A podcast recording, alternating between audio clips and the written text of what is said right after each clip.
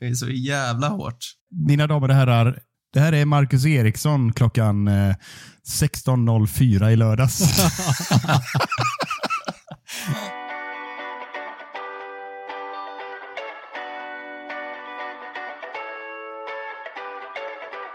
Can Manchester United score? They always score. Rooney! Oh, wonderful! It's Berbatov! Marcus Rashford! Oh, glorious! That is a special one!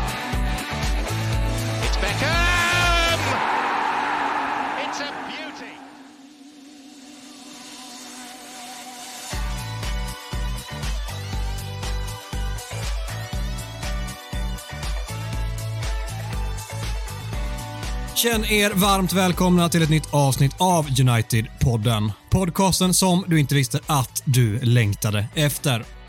United-podden görs i ett stolt samarbete med både den officiella skandinaviska supportklubben MUS och United-redaktionen på Svenska fans. Mackan är här i sedvanlig storform. Har du släppt frustrationen efter Uniteds seger än? Ja. Ja, eh, aldrig är jag riktigt nöjd. Inte ens efter en seger. Eh, så är det. Så funkar jag.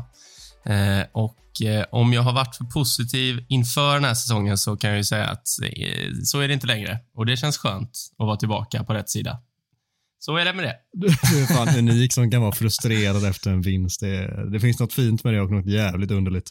Micke, du är också här och eh, sådär gött som bara du kan ska du få en knivskarp eh, fråga att svara på direkt. Hur mådde du klockan 16.04 i lördags? ja, jävligt bra fråga ändå. Hade du frågat mig då eh, så hade jag ju förmodligen låtit mer som Mackan. Eh, för det var någon slags jävla chock jag befann mig i.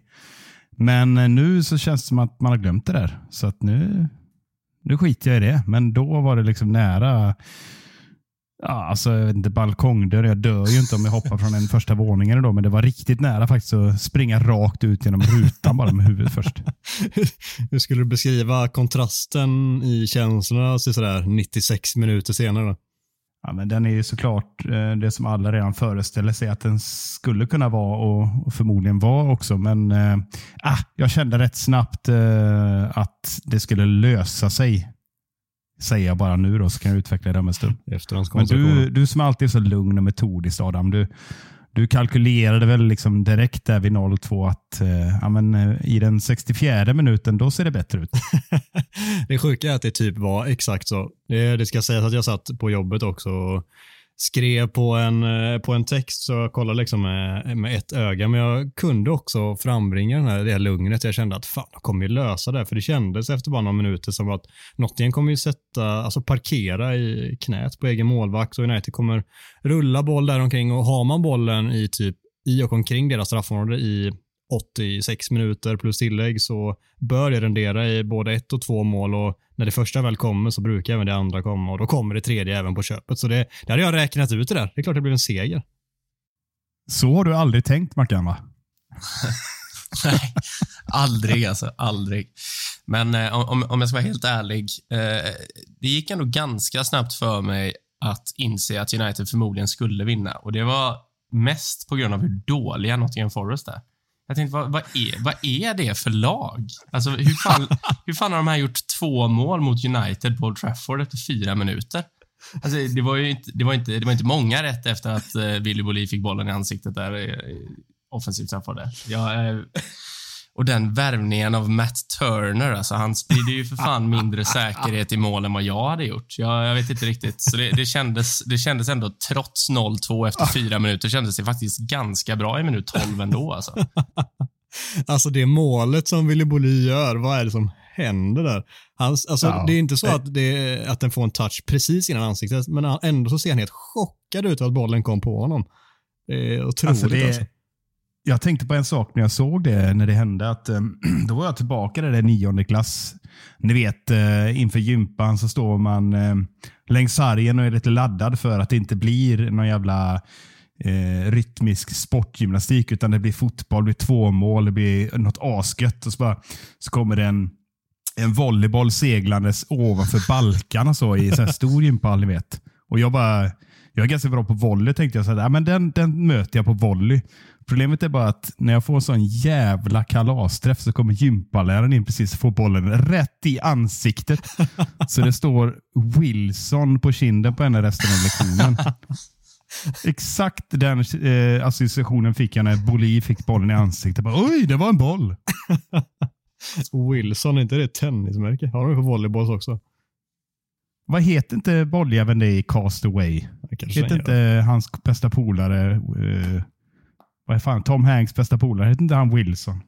Här du borta tapp, nu, har du nu, nu har du tappat mig också alltså. Tyvärr. Se den filmen, 8 plus ändå. 8 plus, starkt betyg.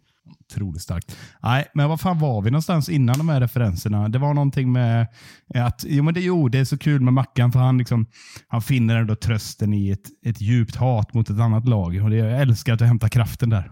Alltså, det, det är inget djupt hat, utan det var bara ett så här konstaterande. Bara, fan vad dåliga Nottingham är. Bara, vad, vad gör de? Jag, jag fattar ingenting när jag satt och kollade matchen. För de, de har ju, om vi ska vara helt ärliga, de har ganska fina offensiva spelare. I Gibbs White och Awoniji och Brennan Johnson. Eh, som ändå är ganska farliga i kontringsspelet, men de utnyttjar inte dem alls efter 2-0. Vilket eh, är en väldigt konstig matchplan. Jag förstod inte riktigt. Ja, det, det känns som vi redan har börjat eh, glida in på matchsnacket, så jag tänker att vi slänger in en liten bumper här och så kör vi matchsnack direkt. Ja, som vi redan varit inne på, United fick en fullkomlig mardrömsstart mot Nottingham Forest, Paul Trafford och låg under med 0-2 efter bara fyra minuter. Men lugnt och metodiskt som jag var inne på här innan kunde Ten Hag som annan vända på steken och plocka med sig alla tre poängen. Och eh, det är väl lika bra att Mackan får riva av sin veckans macka så tar vi eh, vidare matchsnack därifrån sen. Mm. Härligt. Är man tillbaka här igen och nu är det ju då en vinst igen och då ska jag försöka vara lite så här försiktigt optimistisk igen. Så det blir eh, näst bäst, bäst och sämst. Uff. Eller vi, vi, vi säger ju inte sämst den här podden, vi säger någon som behöver höja sig, men vi vet ju alla att det betyder att han var sämst. eh, så jag ställer frågan till er, vart, eh, vart vill ni att jag börjar? Såklart eh, sämst som du beskriver det. Mm. Ja, det är ju alltid härligt. Här är, här är jag ju som bäst, som jag konstaterade i förra veckans eh, poddavsnitt. Då. Eh, eh, det stod mellan två spelare eh, och det, alltså det smärtar ju över att säga att en av dem är Anthony Martial, som jag tycker är så där dålig som bara han kan vara. Liksom. Utan, alltså, jag, jag, äl, jag älskar ju att han, att han ser väldigt ointresserad ut hela tiden, men han är ju faktiskt väldigt dålig när han också är ointresserad hela tiden. Eh, då blir det inte mycket uträttat. Eh, så han var nog sämst. Han, han måste höja sig. Eh, men en, eh, en liten tråkig shoutout till eh, Diogo Dalot också, som jag tycker är eh, svag matchen igenom. Eh, trots att han har ganska mycket boll och eh, har en del ytor att operera på, men jag tycker att han inte tar dem. Eh, det blir lite för veligt. Så jag tycker att han tillsammans med Martial var svagast.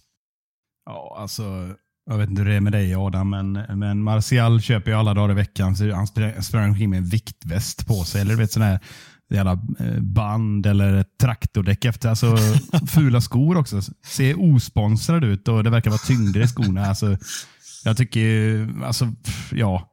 Nej, vi ska inte spela Rashford som nia, men då slänger vi in Martial som absolut inte är i form. Liksom. Det är konstigt val. Borde ha startat med Sancho eller någon annan. Men Dalot är jag inte riktigt med dig. Eh, han är inte på något sätt glänsande, men jag tycker inte han är nära Martials prestation. Nej, det, det skulle jag säga. Det är han inte, men jag tycker att han är den som är närmast. Ja, nej, jag är med, jag är med dig Micke. Jag håller också med om att det är såklart såklart Martial. Och med det sagt så tycker jag ändå att det gjorde sjukt nog anfallsuppsättningen bättre. Sen mötte vi ett sämre lag än senast, men alltså att få ut Rashford på kanten gör så jäkla stor skillnad. Så då kan man ha en kona längst fram i princip och det, det ser ändå bättre ut. Och det, det tycker jag att det blev. Sen hade jag också alla dagar i veckan velat se Sancho i den här rollen som han spelade under hela försäsongen. Vi pratade om det förra veckan. Han får spela hela försäsongen och sen har han inte gjort det en enda match sen dess. Det är väldigt, väldigt märkligt också. Men eh, Martial är såklart den som ska höja sig och vi vänder blickarna mot det positiva istället. Näst bäst man kan vara där. Nu kommer ni bli chockade, vänner. Eh, näst bäst har jag Anthony. Vad i helvete? Så är det med det. Och eh, Det här baserar jag här. Eh, vi har ju en given etta eh, till sen. Eh, sen tycker jag att det... Alltså jag tycker ju att Marcus Rashford egentligen är eh, ganska svag i 76-77 minuter. Eh, men han ligger bakom alla mål och är utslagsgivande i stort sett varje gång han får ett en, eh, en mot en-läge. Eh, men jag tycker att han försvinner ur matchen eh, för stora delar, eh, vilket Antoni inte gör. Eh, jag tycker att han, Antoni tar ändå för sig lite mer. Jag saknar ju fortfarande en slutprodukt. Eh, jag kan räkna till en skapad målchans eh, mot Nottingham Forest från Antoni. Eh, han har något skott också när han viker in. Eh, målchansen jag menar är när han spelar fram Bruno som stöter den utanför Eh, lite mer sånt. Alltså, när han blixtrar till så har han ju kvalitet i sig. Jag tycker bara det sker för sällan, men eh, den här matchen var ett eh, steg i rätt riktning. Eh, ska också sägas att det är ju sån här insats jag förväntar mig i alla fall sju av tio matcher. Eh, men det, han, eh, han får berömma mig för att eh, det var hans bästa match på 26-27 matcher. Så eh, kul att se. 26-27 matcher, jävlar. måste få in en liten, liten peak där också. Måste du få in. Nej, men jag, jag håller med dig om att han är näst bäst den här matchen. Jag tycker att han, eh, ja som du säger, alltså den här typen av nivå kanske vi ska kunna kräva i majoriteten av matcherna minst och eh, såklart mer än så många gånger. Men eh, den här matchen så är han bra och det jag gillar framförallt är just de aktioner han står för. Kanske just det, eh, allra främst i det läge som du pratar om där han spelar fram Bruno, där han United spelar jättebra fram till den målchansen, men det är också Anthony som ligger bakom det mesta där också, där han i första skedet tar in bollen centralt. Sen får han med sig den igen på kanten också. För en gångs skull viker han över till högerfoten och hittar in en kalas, alltså kalaspassning till Bruno som är eh, så nära att göra mål och som kanske till och med borde göra mål där och han ska ha en poäng där. Och det är den typen av aktioner vi vill se från honom ännu fler gånger och eh, som du säger, steg i rätt riktning. Kul. Mm, jag håller inte med. Jag tycker ju att Rashford är eh, bättre än Anthony och det, det, jag skiter i hur det ser ut när han, han producerar som han gör i den här matchen och är så pass tongivande från sin favoritposition. Då, då tycker jag han är inte nära den som är bäst, men han är där uppe. Jag tycker även Wan-Bissaka visar att han är den genomgående bästa spelaren för United. Kanske en svagare insats, framförallt eh, förlorade nickduellen där eh, innan, kort innan 0-1 målet som, som drar ner det lite, men i övrigt så sätter inte han jättemånga fötter fel. Kanske står lite konstigt positioneringsmässigt på hörnan också då. Det är säkert det du tänker på Mackan, men jag tycker bägge de två är ändå bättre än Anthony, även om Anthony absolut inte är dålig.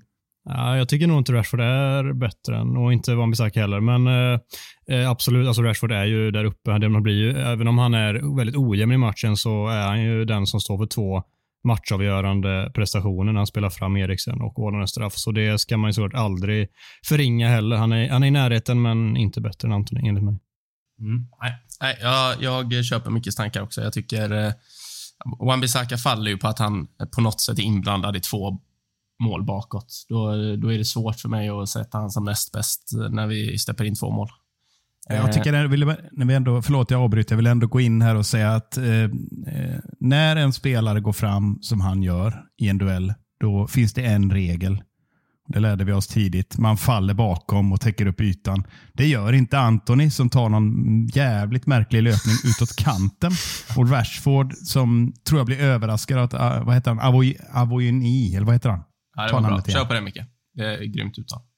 Ja, jag, jag, kan inte det uttalet, men nigerianska anfallaren är, kommer som ett jävla godståg och bara kör över Rashford. Både i duellen och i snabbhet. Och Det beror bara på en sak. De är inte försvarsspelare, de tar inte djupet. Så Det tycker inte jag man kan lasta Man Bissaka att han förlorar nickdueller. Han måste gå upp i duellen och då eh, är inte hans uppgift att täcka bakom sig själv. Så Det håller jag inte riktigt med om. Nej, så är det. Så är det. Uh, men uh, Rashford också, det, det är kanske hårt att inte ha med honom som näst bäst när han ligger bakom allt. Uh, men uh, Anthony, för jag tycker att den, det var en så markant höjning från hans prestationer i senaste. Så han förtjänar den tycker jag.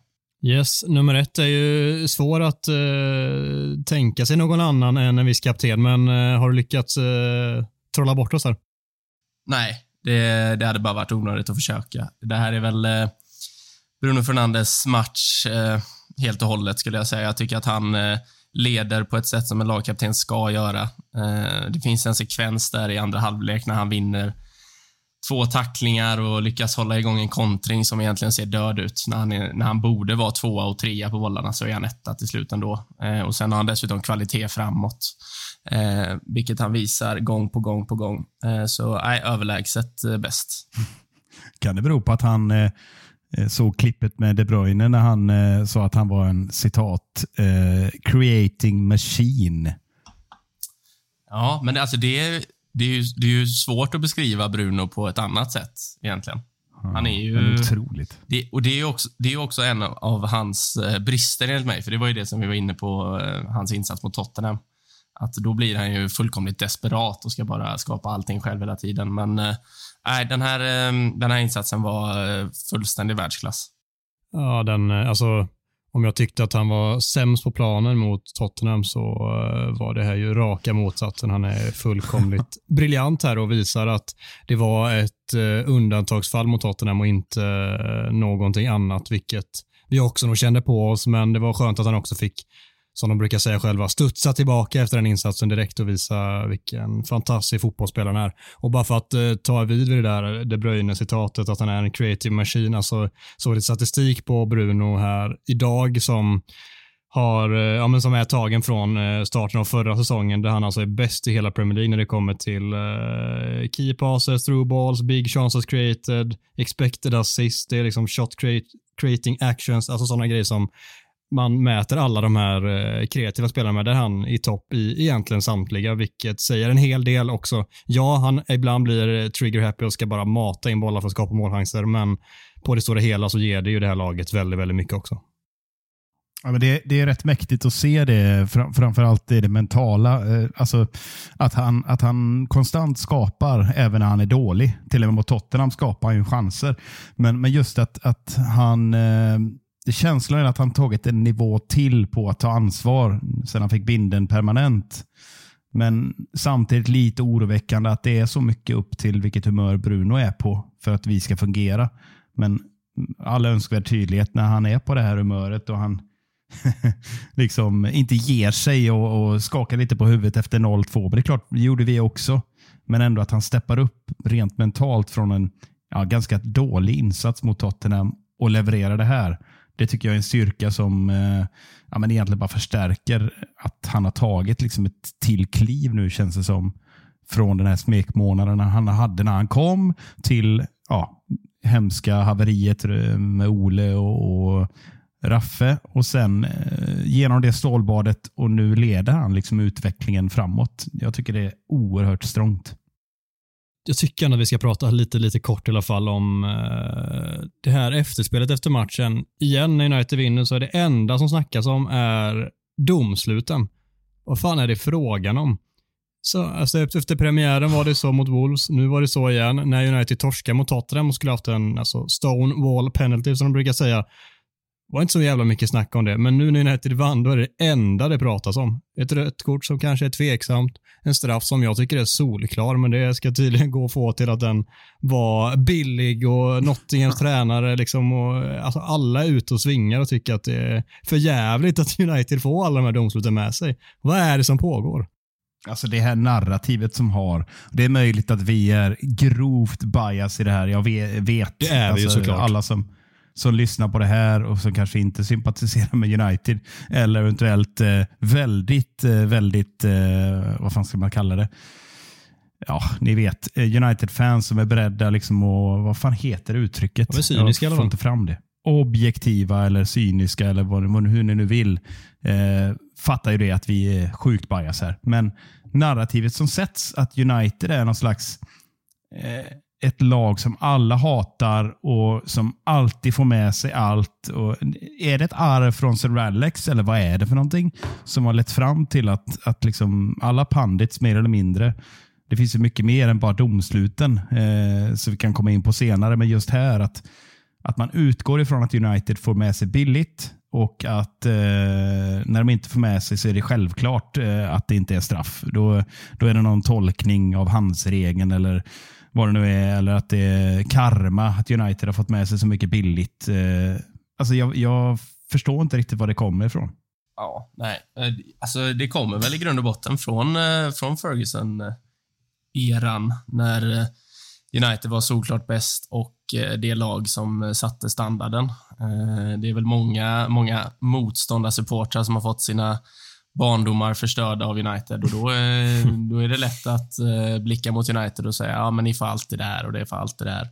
Men alltså, jag upplever ju att de senaste tre åren sen den säsongen med Ole där vi fick hur mycket straffar som helst så har vi ju, det är oftare där man, där vi pratar om uteblivna straffar eller konstiga domslut av såklart av att vi är färgade och eh, ser varje match. Men jag, jag, tänker att om man ska se objektivt på det så är det inte så jävla... Alltså det, det blir ju bara ett narrativ som är lat journalistik av att ah, nu fick United straff, den är förmodligen billig. Och så eh, trycker man på det liksom. Eh, men eh, att man ens argumenterar om den här straffen. Jag, jag fattar inte, han sätter ju knät mot knät. Vad, vad ska Rashford göra? Alltså, det, den det är, är så jävla solklar. konstigt alltså. Ja, det är så jäkla konstigt. Och Soboslaj filmade till sig en straff för förra gången. Jag har inte sett en enda artikel om det. Eh, så det, nej, det är märkligt alltså. Men eh, det är också lite roligt. Det är det. Det är det, det är det faktiskt. Vi får helt enkelt säga som United-supportrar har sagt sedan Sir Alex tider. Hated, adored, never ignored.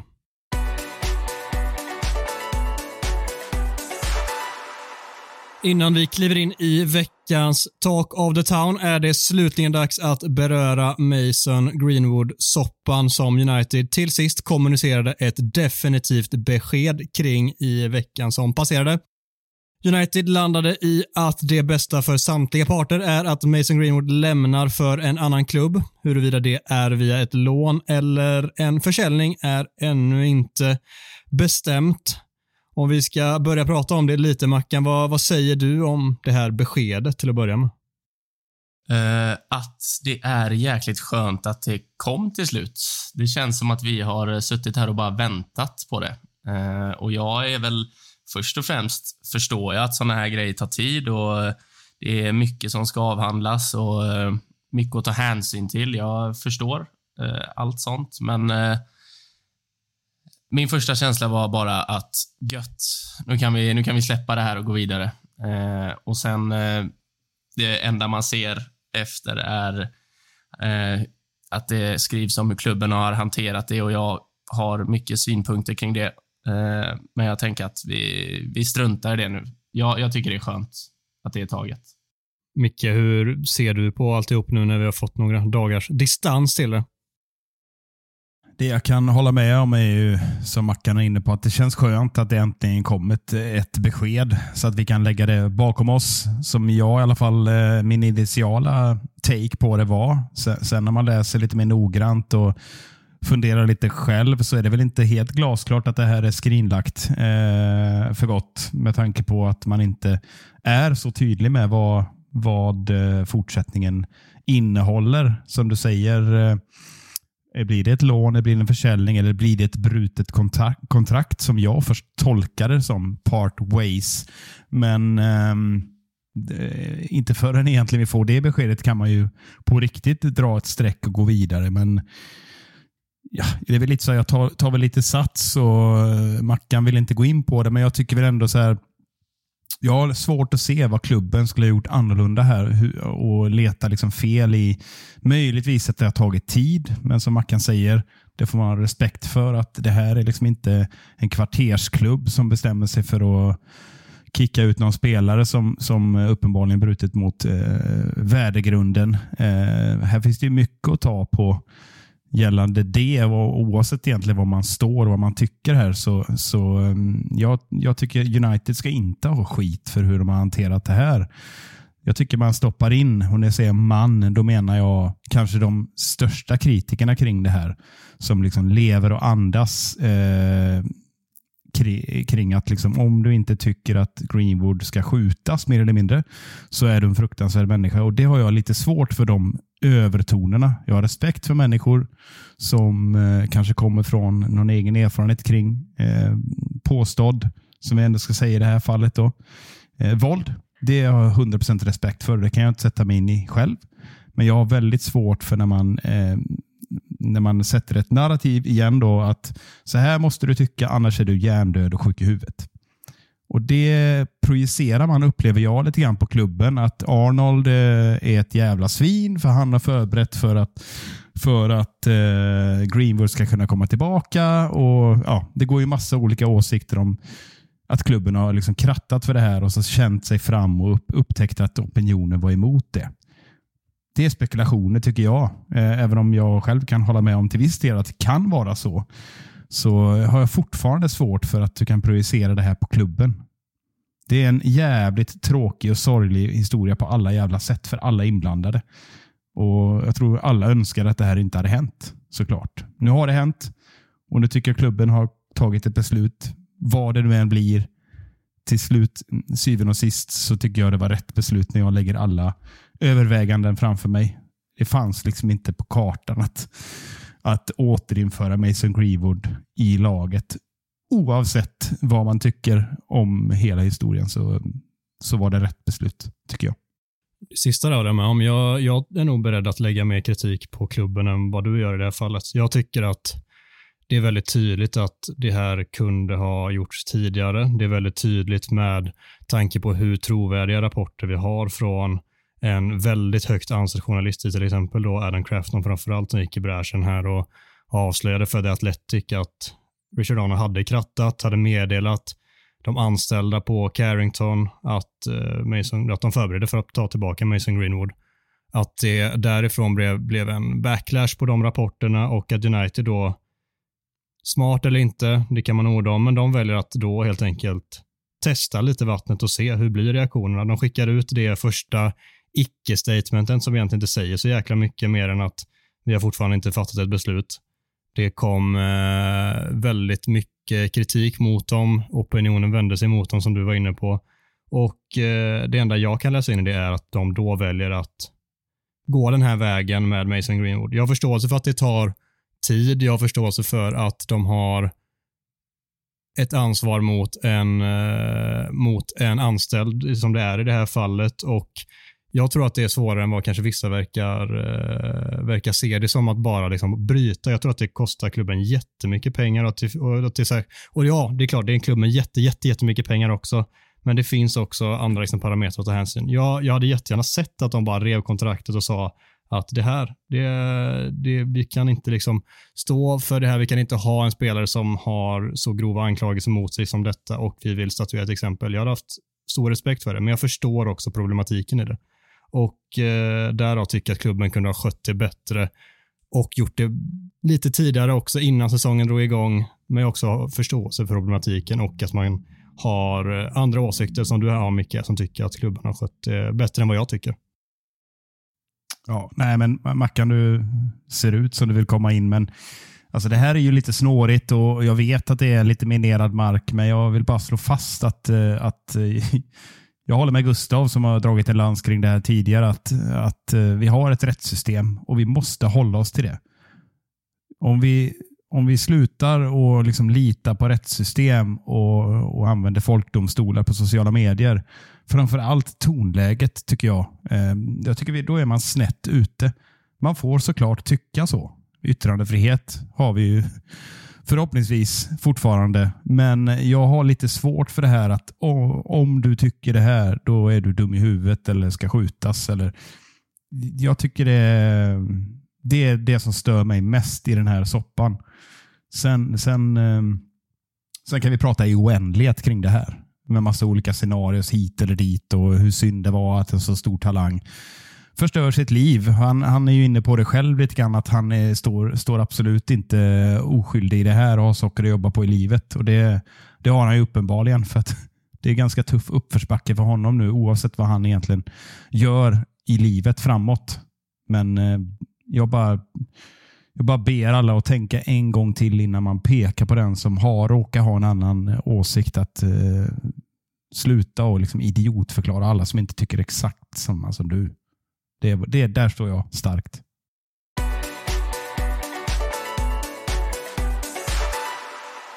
Succésegmentet Talk of the Town är tillbaka med tre stycken påståenden med aktuella ämnen som vi helt enkelt diskuterar huruvida det är sant eller inte.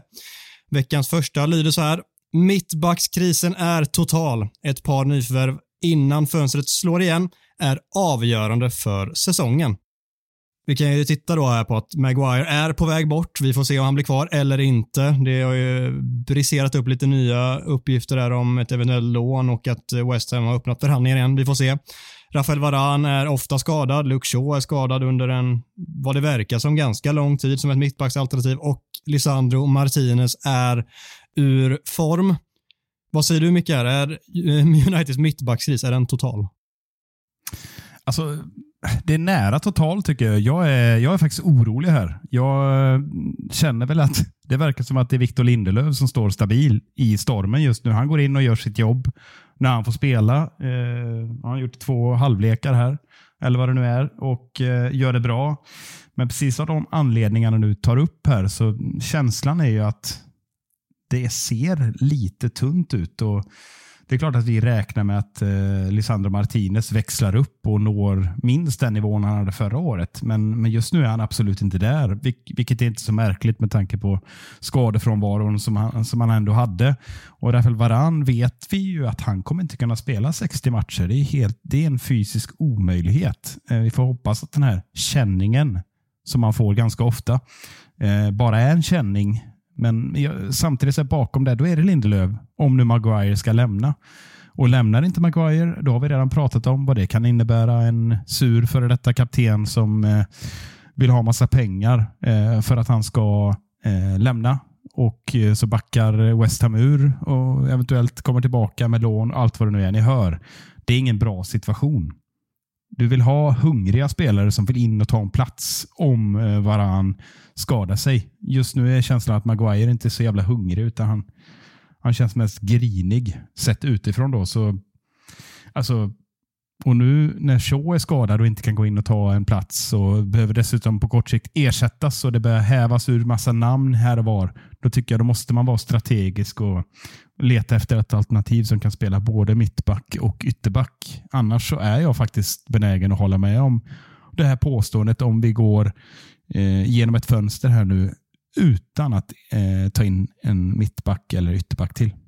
Ja, nej, jag, jag håller väl inte med helt om att vi närmar oss en kris eller är i en kris, men sen kan jag tycka att det är det, det är att starta den här säsongen med samma mittbacksuppsättning som vi hade förra säsongen hade jag inte förväntat mig. Eh, det skulle jag säga, det är IG från klubbens sida.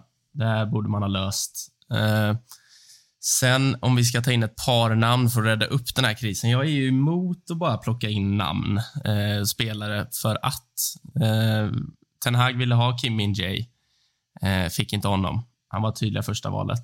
Eh, då gick man mot Benjamin Pavard eh, som andra val och han ser ut att gå till Inter istället för att Maguire är gravt efterbliven. Eh, och eh, då står vi här med alternativ som eh, Todibo, som det har ryktats om innan. Eh, och det är väl, eh, är det någon mer? Missar jag någon uppenbar? Nej, men det är väl han främst ryktas om nu med tanke på att Pavard inte är tillgänglig av allt att döma när han går till Inter. Ja, eh, så då säger jag väl egentligen att eh, sälj Maguire och så ersätter vi honom med Johnny Evans och så eh, får vi en glad Gustav Kulle borta i London. För jag tror inte på ett eh, kortsiktigt lån eller något panikköp av en spelare som vi kanske egentligen inte vill ha. Som vi då kollar på att låna ut eller sälja nästa år. Jag tror, jag tror inte det blir bra. Nej, det, det sista jag håller med dig om där. Jag tror ju dock att om Maguire lämnar så kommer det värvas in en ersättare och då menar jag inte även som absolut eh, som, som står lite utanför. Det känns som att han oavsett kan både bli kvar i klubben eller inte oavsett om Maguire lämnar. Men om Maguire lämnar då tror jag att det kommer värvas en spelare och då blir det väl Jean-Claire Todibo framför allt som det ryktas om. Då. Det, det är en spelare som det har ryktats om tidigare som inte verkar vara en panikgrej i så fall utan ett uttalat val av United där han eh, mycket väl var uppe och konkurrerade med Pavard när de valde där och då när Maguire såg ut att lämna första gången. Så eh, om Maguire lämnar så tror jag att han eller någon likvärdig kommer värvas och det, det känns ju bra. På det stora hela så nej, jag känner mig inte så jäkla oroad över mittbackskrisen som eh, Micke väljer att, att kalla det. Jag tycker att eh, det är såklart oroväckande att Shaw försvinner som alternativ och att Varan är så skadebenägen som han är. Men jag är inte så oroad över att Martinez kommer hitta tillbaka till formen ganska snart.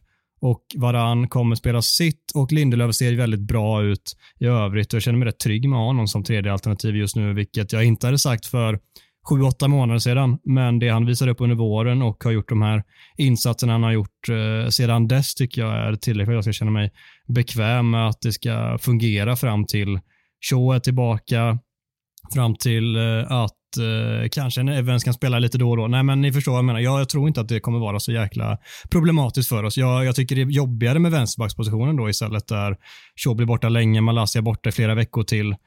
Där Dalot inte ser ut att eh, trivas fullständigt, även om han i detta nu fortfarande enligt mig är det bästa alternativet att spela där. Så eh, där ryktas det ju om att det ska in någonting och att det verkar vara ännu mer hett att få in någon form av ersättare där i Mark Cucurella eller eh, då, eh, vilka är det mer det har pratats om? Väl- Alonso va? Alonso, ja fy fan. Och, så jag sitter och eh, kräks. Vad, vad är det? Vad är Ja. det? ja, Fy. det, Ja, det, det är det jag säger, att vi har satt oss i en ganska dum situation nu och det har vi vänt och vridit på tidigare, att det såklart handlar om finansiella problem. och att, Men Maguire-situationen, det, det har väl alla konstaterat att det är ju lite märkligt. Vi sitter här några dagar innan nu och så har inte det löst sig. För det var inte så att det var att Ten Hag kom på i, igår att eh, ja, men jag ska inte starta med Maguire i mitt lag. Han ingår inte i mina tankar. Det, det har de vetat om länge. Ja, hög lön.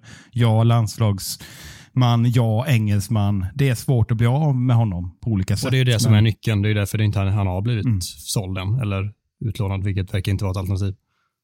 Exakt, men samtidigt så har ju United förr i världen i alla fall, det är ett tag sedan nu, lyckats med ett korttidslån för att, eh, för att lösa... Så att jag är öppen för att ta in ett lån för att lösa den här situationen, för annars hamnar vi i en sits att eh, Fernandes, eh, den unge vänsterbacken, får gå in och spela. Liksom, och det, det är väl han inte riktigt liksom redo för. Det är bara någon skada till så är han aktuell för spel och det känns inte bra. Jag kan väl säga så här att eh, jag som United-supporter ser bra mycket hellre Alvaro Fernandes på vänsterbacken än Mark Cucurella, Marcos Alonso, Sergio Reguilon eller Rico Henry. Som det, är. alltså, vad, det, vad plockar vi från, från för fack nu? Liksom?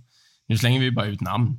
Det är, Ja, Cucurella är Alltså- väl Chelseas sämsta värvning någonsin. Marcos Alonso nöter bänk i Barcelona och är dessutom eh, verkar vara bara en väldigt eh, dålig person. Eh, och eh, ganska dålig på fotboll också. Eh, Reguilon har eh, varit utlånad till Atletico Madrid där han inte ens var närheten att ta en plats och är ganska givet tredje val i Tottenham. Eh, Rico Henry är väl eh, ganska bra, men eh, det, ja, jag, jag fattar ingenting. Med betoning på Det- ganska bra också. Ja, han är, han är en okej fotbollsspelare. Liksom. Inget emot Rico Henry gentemot de andra. Men eh, nej, det, vi har haft problem att värva hela sommaren och sen helt plötsligt ska vi paniklåna in en vänsterback. Eh, nej, jag, jag fattar ingenting. Ja, eh, jag, jag tror det kommer komma in någonting där eh, och ska tvingas välja någon av alla du radar upp där. Jag håller med att det är absolut inte optimalt, men Marco Correa i, i Brighton var ju ändå riktigt jävla fin. Det får man ju ge honom. Sen, sen är det en bra bit till att han ska kunna gå in och axla Luke Shaws mantel. Så är klart det är det, men tvingar det mig med pistol så, så tar jag hellre in honom på lån, men det känns ju tveksamt att, att eh, Chelsea skulle släppa honom till att börja med. Ja, ja, jag är med dig att jag väljer också honom. Det fanns ju en anledning till att liksom, City och Chelsea eh, tävlade ordentligt om hans underskrift för ett år sedan. Det, det går snabbt i fotboll, men eh, i grunden är det ju en, en rätt bra fotbollsspelare som vi inte alls vet var han står och jag håller med att det känns jävligt dumt bara att vi står i den här situationen som vi gör i, men det gör vi och eh, för att eh, landa i någonting i den här långa utsvängningen så nej, jag tycker inte att mittbackskrisen är total. Jag tycker att det är mer oroväckande hur det ser ut på vänsterbackspositionen i så fall. Mm. Och jag säger att vi har en begynnande mittbackskris. Ah, det var inte så du inledde detta va? Det är viktigare för United att signalera handlingskraft genom att värva någon slash några spelare än att nyförvärven höjer kvaliteten på truppen. Jag vet att du brinner för Mackan. Ja, jag är, jag är genuint överraskad över, över hur man som supporter till ett lag kan tänka så här. Det, jag, jag vet inte. Jag, jag, jag förstår inte hur det kan vara möjligt. Har ni inte sett de senaste tio åren? Liksom? Vi har ju, senaste exemplet är väl Wout Weghorst. Eh, jag vet inte, blev han en succé? Nej. Eh, så folk bara slänger ur sig så här, ja, men United måste förstärka med tre spelare. Det, det, det måste ju också vara rätt spelare. Man kan inte bara värva tre spelare och bara, ja, nu har vi värvat tre spelare. Så nu blir det bra. Det är, det är så idiotiskt så jag blir fan mörkrädd alltså. Jag förstår ingenting. Folk slänger ut Gravenberg. Ja, det är en bra spelare, men det är väl inte det vi söker efter. Eh, och så, sen har vi det här vänsterbackshaveriet som gör mig galen alltså. Eh, vi har suttit och hyllat Uniteds transferstrategi i, som, under sommaren och eh, ska, ska, vi sitta här nu med fyra dagar kvar tills fönstret stänger och ska låna in någon flopp från någon annan konkurrent. Alltså, vad, eh, vad är det? Eh, och att man som United-supporter kan sitta och stötta det här. Äh, jag, jag förstår inte riktigt hur man är funtad då. Men det är bara jag. Kanske. Nej, jag håller faktiskt med dig här Mackan. Det, det, är svårt att ha någon annan take, men alltså det enda jag kan komma på liksom att man, man sitter där och spelar eh, Championship Manager, eller på säga Premium Manager, eller allt vad det nu heter. Uh, alla är Todd Bowley. Liksom. Ja, men, eh, jag tycker de tre har fint hår. De tar vi in. Eh, vi behövde tre personer till här i laget. De tar vi in. Alltså, jag håller med 100 procent. Det, det, jag tror folk får lite panik när det, vi har börjat så dåligt. Känslan var att shit, nu, nu tar vi nästa steg. Nu utmanar vi City och så ser vi att nej, Ten Hag ska byta spelsystem och spela en helt annan mittfältsformation och, och så biter det inte riktigt och så har vi haft lite otur med skador och sådär. Jag fattar att folk får lite panik, men, men jag är på din sida där att det är ju exakt det vi har gjort fel i tio år. Att, att folk på ledande position i United har fått panik och tagit in Schweini och vad heter den andra jäveln? Schneiderlin. alltså det, var, det är nog det oh, sämsta Schmidfield. Wow. Helt otroligt är det. Ja. Nu, nu, säger inte jag, jag, jag säger liksom inte att eh, jag, jag, säger inte att det kryllar av det, men jag har ändå, när man har suttit och scrollat sociala medier här, så är det bra mycket mer positiva röster kring de här senaste ryktena än vad jag, vad jag har sett negativa och det tycker jag är, häpnadsväckande alltså. Um, så ja, det, det, är kul att du nämner Todd Bowley som det färskaste exemplet, för Alltså, det är ju så det kommer bli om man bara värvar för värvandets skull. Chelsea har väl värvat mer spelare sen han klev in som ägare än de har vunnit fotbollsmatcher, va?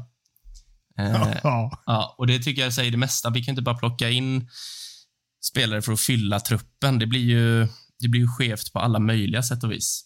Nej, men däremot så tror jag om vi ska, liksom, eh, om, det, om vi nu landar i, vi bara hittar på henne, för jag, jag gillar inte något av namnen som ryktas på mittfältet. Jag, eh, som jag sa nyss, tvingas välja så Kukureya är det bästa lånealternativet av de namnen som räknades upp här. Men jag tror att det kommer komma in någonting eh, och då känner jag mig ändå så pass trygg att Ten Hag har välsignat det. Sen vet jag att det inte är optimalt. När vi får massa skador, vi får liksom den här situationen med Maguire etc. Då tvingas man ju ändå göra ett lite sämre val och kanske lite mindre genomtänkt val. Men de som kommer komma in, jag tror det blir ett par spelare om jag får sticka ut hakan de kommer att vara sanktionerade av Ten Hag och då har jag ändå förtröstan egentligen oavsett vilket namn det är som kommer in. Vad har vi för positioner som eh, kommer in Micke? Jag vill bara höra det innan vi kliver vidare. Jag tror det kommer komma in en vänsterback på lån. Eh, och jag tror att det kommer komma in en mittfältare. Eh, det är jag tämligen övertygad om att det blir så. Mm. Och sen har vi ju Altay Bayindir också från Fenerbahce som ska in och agera eh, reservmålvakt här. Eh, lär väl bli klart i dagarna. Och det, ja. så, sådana värvningar hatar jag. Alltså, äh, Statement-värvning skulle jag kalla det. Du, men, Dubravka då? Kan vi inte ta in han ja. igen? ja, nej, det, ja det, det, är bra att man får sålt Henderson, men då kan jag undra varför sålde vi Kovar då tidigare i somras och ska plocka in någon halvduglig gubbe från Fenerbahce. Nej, det, Kovar. det är märkligt alltså. Märkligt. Ja, for the record tänker jag bara säga att jag håller med er båda två och så kör vi veckans Town Hall istället. Veckans Town Hall är här och vi ska givetvis lyfta upp en från eh, förra veckan. Micke, kan du läsa upp vad vi hade förra veckan och eh, plocka ut något som du har fastnat för lite extra? Mm. Det vi hade att ta ställning till, eller lyssnarna hade att ta ställning till, var följande. Erik Ten Hag förtjänar kritik. United borde ha kommit längre med sitt spelsätt vid det här laget. Och Adam och Mackan, var ni överraskade över att 71 eh, procent eh, tycker att ja, han förtjänar kritik, Ten Hag?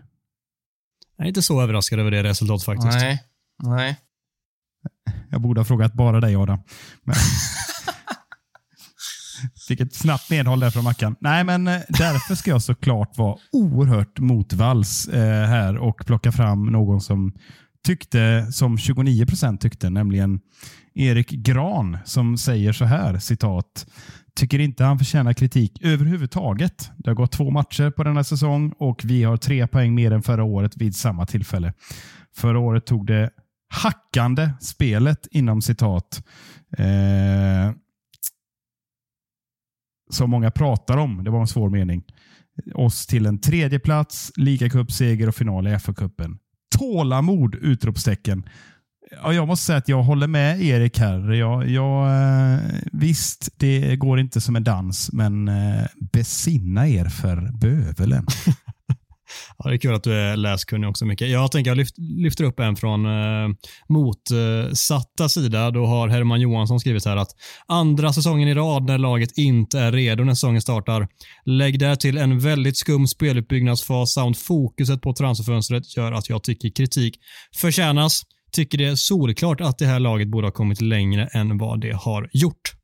Då har vi båda sidor på plats. Veckans townhall att ta ställning till lyder så här. Anthony kommer aldrig att bli något, bör bänkas omgående och säljas så fort som möjligt. ja, det, det, är så jävla hårt alltså. Det är så jävla ja. hårt. Mina damer och herrar, det här är Marcus Eriksson klockan 16.04 eh, i lördags. ja, för transparensens skull så kan vi säga att vi har lyft in den här för att eh, vi har eh, under den senaste veckan gått en holmgång i den interna WhatsApp-chatten mellan varandra där Mackan har svingat å det grövsta på Antoni och eh, ja, jag och Micke har väl fått stång blodiga för att försvara honom och det har eh, nästan lett till att vi fått lägga ner den här podden. Men vi sitter här i alla fall. Ja, fan jag älskar de här argumentationerna. Alltså, tidig lördag förmiddag, liksom. Då, nu är man igång på riktigt och taggar till match. Liksom. Då, när jag är lite irriterad inför en match, då tycker jag det är så jävla gött. Då, då, då, tänker jag så här, går det bra nu så blir jag glad. Och går det åt helvete så får jag lite, lite mer att bygga vidare på till nästa podd. Får du vatten på din kvarn. Ja, exakt. Så det, det blir liksom positivt eh, i, i, båda utfallen. Jag älskar det. Jävla konstig är du. Ja, men det är, ja, ja. Jag embracear min konstighet. Alltså. Jag tycker det ja. passar mig. Det, det är också, jag omfamnar på alla sätt och vis. Men du får väl börja här och ta vid. Vad, vad fan är det du tänker med när du tycker att han ska bänkas och säljas så fort som möjligt? Nej, alltså det här är ju... Jag, jag, kan tycka att det är, alltså det är ju lite väl hårt, alltså. Verkligen. För, till och med för Mackan. Ja, alltså det, det grundar väl sig att Micke frågar mig om mitt drömscenario eh, under slutet av transferfönstret. Jag, jag skrev att mitt drömscenario är att United säljer Anthony. Eh, och det står jag väl fast vid eh, lite grann, kanske. Väl lite grann. Jag brinner inte lika mycket för det som jag gjorde i lördags eftermiddags där. Men jag kan tycka så här, okej, okay, om, om, vi ska vara lite ärliga. Jag, jag, tycker det är eh, jag tycker det är väldigt märkligt att han har fått så mycket förtroende som han har fått. Eh, inte bara den här säsongsinledningen, utan även förra säsongen. Eh, för jag tycker att han har varit konsekvent eh, svag. Eh, och då menar jag inte bara i hans eh, en mot en-spel när han, eller, och när han har bollen, utan jag tänker mer i hans rör, rörelsemönster, hur han, ja, hur mycket boll han tappar, eh, hur okreativ han har varit i många matcher och att han, att han stannar ner våra anfall så ofta. Jag, ty jag tycker att hans brister väger över mot hans kvaliteter ofta. Eh, så jag, jag, jag, tycker att det är ologiskt att han har fått så mycket förtroende. Eh, när vi har en Jadon Sancho som har gjort en bra försäsong. Eh, när vi har en Facundo Pelistri som kommer in och blixtrar till varje gång han får chansen. Eh, och då, då blev jag lite väl... Ja, jag ska, jag ska inte säga att jag blev upprörd, men jag blev fan besviken när jag såg startelvan i lördags. Och bara, men hur i fan är det möjligt att han startar? Han har varit sämst på plan här två matcher. Han, har, in, han gjorde han inga poäng här heller. Eh, men inför matchen i lördags hade han alltså gjort ett mål och en assist på sina 24 senaste Premier League-matcher. Eh, och det tycker jag fan är det är alldeles för dåligt som startande högerytter i ett eh, topplag med aspirationer att, eh, om att vinna de stora titlarna. Eh, sen om man då förtjänar att bänkas omgående och därefter säljas så fort som möjligt. Alltså, jag vet fan alltså. Eh, Drömscenariot. Bänkas, absolut. Det, tyck, det tycker jag. Nu gjorde, han en bra, nu gjorde han en bra insats här i lördags. Eh, fair play till honom. Eh, men jag, jag, tycker fortfarande att han, så ordinarie som han har varit, det har han inte förtjänat att vara. Eh, men jag, jag, tar väl tillbaka lite av mitt statement där då.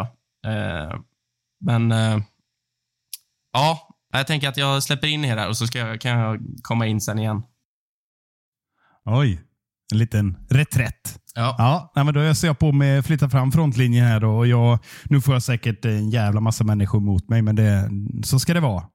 Eh, för jag förstår faktiskt ingenting här kring den här, det här gränslösa hatet mot en spelare. Alltså möjligen är den arga delen av supporterleden besatt av att ha just en syndabock nu när Maguire är ute ur bilden och de Gea som ja, under stundom fick ta emot en hel del skop och ovett. Måste allt finnas en hackkyckling tydligen? Ja, det känns som det gör det och jag, eh, oaktat dig nu Mackan, så, så vill jag ändå liksom fara ut här eh, mot, mot mobben. Alltså, lotten har liksom hamnat på Antoni nu och det är klart att det går att förstå det med hans attribut. Dyr prislapp, eh, ser arrogant ut, tar mycket risker och är ganska ojämn offensivt. Jag håller med i din kritik kring hans prestationer, men och jag ska inte dra det. Han är ju bra defensivt. Jag ska inte dra det nu, men jag tycker inte han är så dålig. Jag förstår varför Ten Hag vill ha honom i laget och liksom mantra in honom. Jag förstår varför. Men eh, jag tycker det här liksom gränslösa liksom, letandet efter syndabock eh, står inte i proportion till, till eh, hans insatser. För så jävla dåligt är det inte. Maguire var ju liksom ute på randen med några ja, men sinnessjuka prestationer och det är klart att det syns ju mycket mer när du gör det som mittback när du kan bli utbytt i den 69 minuten som ytter som är liksom konsekvensen mest för honom. Sen, sen kan jag faktiskt köpa lite att Sancho har varit bra och borde ha fått starta någon match av de här tre. Men samtidigt så jag tror att, igen, som jag har liksom varit inne på, de här enorma liksom reaktionerna och det letandet efter syndabock, det kommer jag nog aldrig att förstå. Jag, jag blir också galen på Anthony, men jag förstår liksom inte det här konsekventa att nu har vi en person som vi ska hacka på. Bara, bara, bara. All skit ska han ha. Det kommer jag aldrig fatta. Nej, jag är ju som jag redan flaggade för lite tidigare här när vi lyfte upp eh, veckans townhall, att jag, jag är på din sida mycket. Jag, jag förstår kritiken mot honom, men jag förstår inte den överdrivna kritiken mot honom och eh, sättet som folk letar fel. Och det, det blir så när United-supportrar och supportrar generellt eh, hittar en hackkyckling som det bara startas något drev emot där alla tävlar om vem som kan ha hetast takes på hur dålig den är. Och eh, så har det inte varit med Antoni tycker jag. Jag tycker inte han har förtjänat det. Han har inte rätt upp till förväntningarna. Han har en ruskig dyr prislapp på sig och borde ha bänkas mer än vad han har gjort och det kanske hade gynnat honom också att få komma in lite från bänken som vi har pratat om att Garnacho kanske är bättre i dagsläget som att göra. Jag tror att Anton hade kunnat få en liknande effekt ibland när han kommer in från sidan och inte den som eh, det hela tiden är de här hetaste blickarna på, utan att han får komma lite från sidan och göra sin grej. Jag tror att det skulle kunna passa honom emellanåt och eh, den kritiken förstår jag, men eh, inte den överdrivna i övrigt. Den eh, begriper jag verkligen inte. Ja, jag är ju, jag tillhör ju den falangen då som, som gillar det här lite överdrivna kritiken. Man bara tar på volley liksom. Man, bara, man känner att nu kommer bollen och jag klipper till. Eh, och jag, jag, som, som jag sa innan, alltså, jag är oftast inte rationell i, i hur jag bedömer spelare. Jag, jag gillar spelare som, eh, alltså, som lever mycket på att de är smarta på planen. De har bra spelförståelse, de har en fin teknik. Ehm, de är bra passningsspelare. Ehm, de är kreativa. De bjuder på stunder av briljans. Och jag tycker att som jag har sagt många gånger i den här podden, jag tycker att Anthony har bra kvaliteter. Jag tycker bara att han är alldeles för dålig och för inkonsekvent i att få ut dem. Ehm, och Det är väl där jag brister. Dessutom tycker jag inte att han är tillräckligt smart. Han skapar för lite. Han gör inte sina offensiva lagkamrater till en bättre spelare. Eh, vilket jag tycker exempelvis Jadon Sancho gör. Eh, och då, då får jag svårt för sånt. Jag har svårt för spelare eh, som är så. Eh, där är jag. Eh, sen kan jag överdriva ibland och säga att han är sämst någonsin. Det tycker jag väl inte. Eh, jag tycker bara att han är eh, för prislappen, för hur pass ordinarie han är och hur stort förtroende Ten Hag sätter på honom. Eh, det har jag svårt att begripa. Alltså. Jag vill ändå flika in att jag Samtidigt som jag inte begriper det och lackar på det så eh, tycker jag också det finns något fint i de känslorna som så många supportrar har, inklusive du där Mackan, som bara brinner till på allt och ingenting. Det, det finns ju något jävligt fint i det också, att, att den här klubben och dess spelare betyder så mycket för att man också står där och skriker eh, liksom dag in och dag ut. Det, det finns något fint i det också. Ja, såklart. Alltså, det är känslor och vi är ju känslomänniskor och vi älskar Manchester United. Vi, vill att vi ska vinna alla matcher. Jag, jag fattar det, men besinna er ibland tycker jag. Och så sen, jag förstår också vad du menar. Du älskar eh, Martial, du älskar eh, älskade Scholes, du älskar liksom Berba och alla de här med hjärna, fotbollshjärnan. Men alla spelare har inte samma liksom, funktioner. Och jag tycker Anthony har en pusselbit i det här laget som när han, när han, får, han kommer få ut det lugn. Det kommer att lösa sig. Men då kommer han vara, ha sin roll i laget och den kommer aldrig vara samma som Bruno Fernandes eller Jadon Sanchos. De är olika spelare. Han ska bara göra.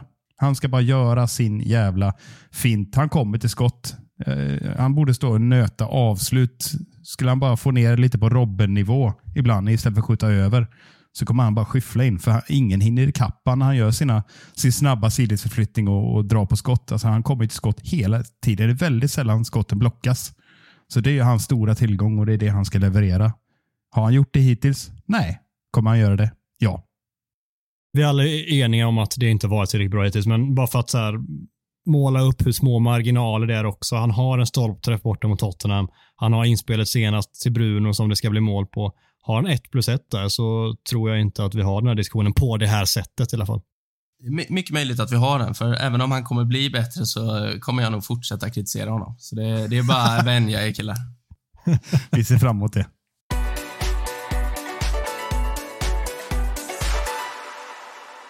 På söndag klockan 17.30 gästar United det där överhypade Londonlaget som leds av en billig Pep Guardiola-kopia från Wish.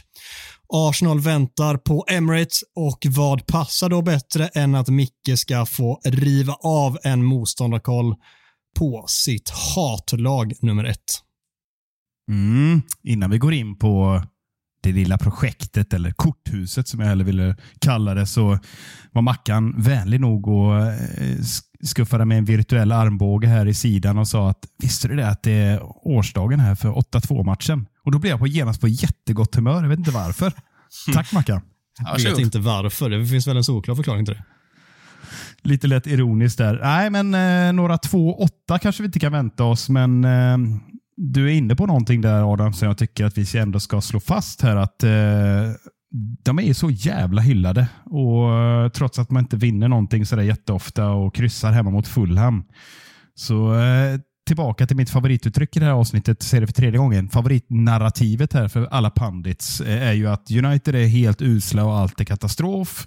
Man får billiga straffar och eh, det är bara flyt att vi vinner liksom mot skräplag. Men Arsenal har ju bara lite otur det lossnar snart. Det är sånt fantastiskt lag. La, la, la. Alltså det, det retar mig i alla fall något så in i helvete när eh, det är tydligt att se att trots hans 17 år, eller hur länge, när var det han kom från Wish? Det var innan Wish fanns. Så dök han upp i Arsenal. Nej, men eh, jag är inte imponerad av Arsenal, det är det jag vill säga. Och tittar vi på lite statistik här först innan vi går in på och tittar närmare på, på laget då som är så hyllat så Sista 30 matcherna, oklart varför jag tar den referensen, men ändå så ser vi en tydlig plusstatistik för United. Alla tävlingar pratar vi då. 14 segrar, 7 oavgjorda och 9 förluster. Men ska vi vara ärliga och titta sen ja, på 20-talet eller sen säsong, säsongen 1920 så ser det lite tuffare ut. Eh, två segrar, två oavgjorda och fyra förluster. Och mm, borta har det varit tufft på det där luftslottet de spelar på. Och Nu ska vi komma till en liten quizfråga här som Mackan inte hatar. Senaste gången vi slog dem borta i ligan då, ska sägas, var 2017. Vi slog dem i FA-cupen 2019. Den låter vi passera och så konstaterar vi att vi slog dem med 3-1 då i eh, den 2 december 2017. Vilka gjorde målen där, Mackan? Jag tror att jag har... Fan, ja, jag, jag, tror jag har den. Jag tror det är Jesse Lingard gånger två och Antonio Valencia. Stämmer. Stämmer. Helt otroligt alltså. Vad är det? Ja. Det var ju då eh, alltså, de Gea gjorde 2000 räddningar, eller? Ja. Han var helt störd den matchen. Det var helt ofattbart. Mm. Men det var imponerande som vanligt. Nyper mackan där man undrar ju liksom vad det är som föranleder den här sinnessjuka Rainman-kunskapen. det är också det enda jag kan. Alltså, min hjärna är tom, men av någon jävla anledning så fastnar sånt. Alltså, det är så onödigt och lite roligt. Eh, men eh, ja, jag hade ju kunnat fylla hjärnan med lite viktigare information. Men eh, då hade inte jag varit jag heller. Nej, då hade inte du suttit här heller. Verkligen inte. Nej, det gamla fina flugpappret som du uppfann uppenbarligen. Men eh, om vi kikar lite grann på Arsenals lag här med viss seriositet i alla fall. Eh, så har de ju fått in lite nya spelare. Declan Rice har alla pratat om och hans impact är väl, går väl att se eh, hyfsat att det är en jättebra fotbollsspelare. En, en typ av eh, balansspelare som de inte riktigt hade eh, trots fjolårets succé. Eh, och sen Kai Havertz roll har jag inte riktigt förstått. Eh, han verkar användas på mittfältet. Och Sen hade de oflytt med skadan på Timber som eh, inte riktigt fick visa upp sig i sin inverterade vänsterbacksroll. Men vi bara stannar vid den här sista värvningen, eh, målvaktsraja där. Är det någon som förstår den överhuvudtaget? Tas in på lån för att sitta på bänken när han har stått i Premier League i två säsonger. Är det någon som fattar det överhuvudtaget? Det varför, finns väl någon form det? av, eh, är det obligation eller option på att köpa, det minns jag inte, men det känns väl, jag kan inte tolka det som något annat än att han ska genuint konkurrera och att han nog kommer få sin chans där ganska snart. Mm.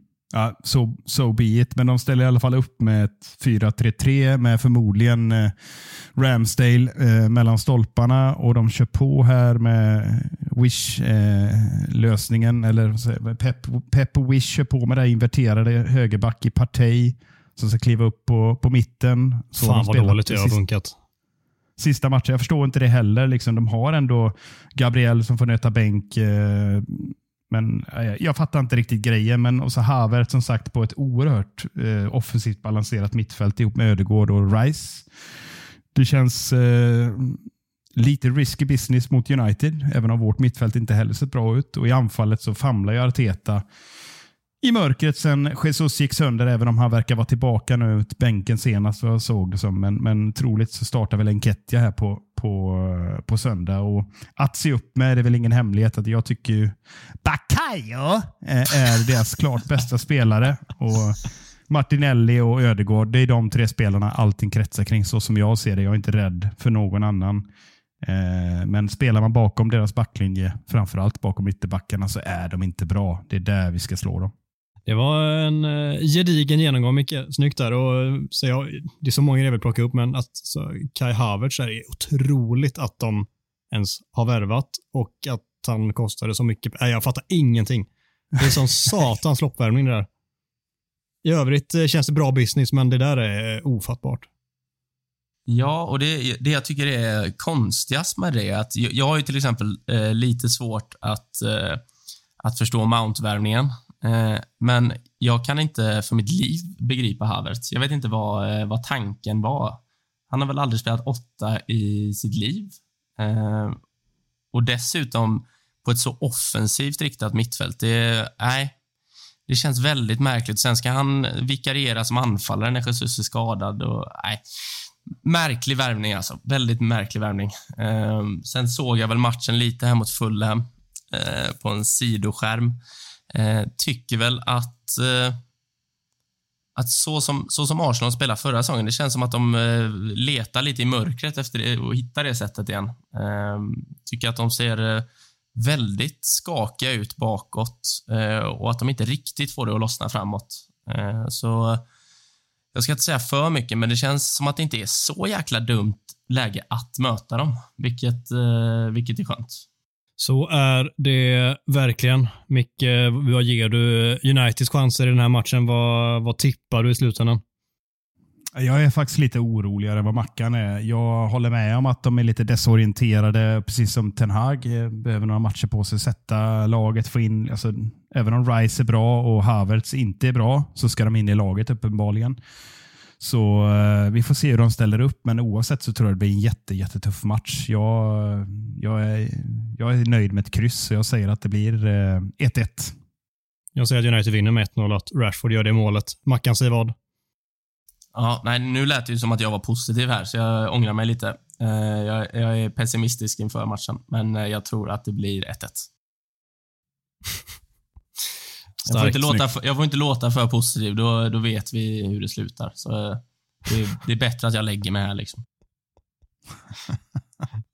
Okej, vi säger väl det. Ni säger 1-1, jag säger en glasklar enkel 1-0-seger.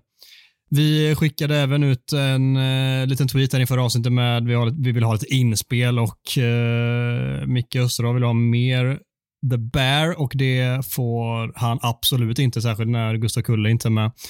Uh, sen tycker jag ändå att vi ska lyfta upp den här. Marcus Sundell frågar om Lindlöf borde gå före Varann just nu. Tycker du det, Mackan? Uh, nej. Det var glasklart. Nej, men jag, jag, tycker ju Varann, eh, jag tycker Varann är jättebra. Sen att han är skadebenägen och får kliva av i paus hemma mot Nottingham är ju tråkigt, men jag tycker ju inte det tar ifrån honom att han är en väldigt bra mittback. Så är han frisk så är han ju första val på höger mittbacksposition. Sen tycker jag Lindlöf har gjort det bra, men jag tycker fortfarande Varann ska gå före. Micke, du får en till dig också från David Öhman. Är Aaron Wan-Bissaka just nu bäst i truppen på att göra sin gubbe? Och så inom parentes, i så fall, vad fan sker?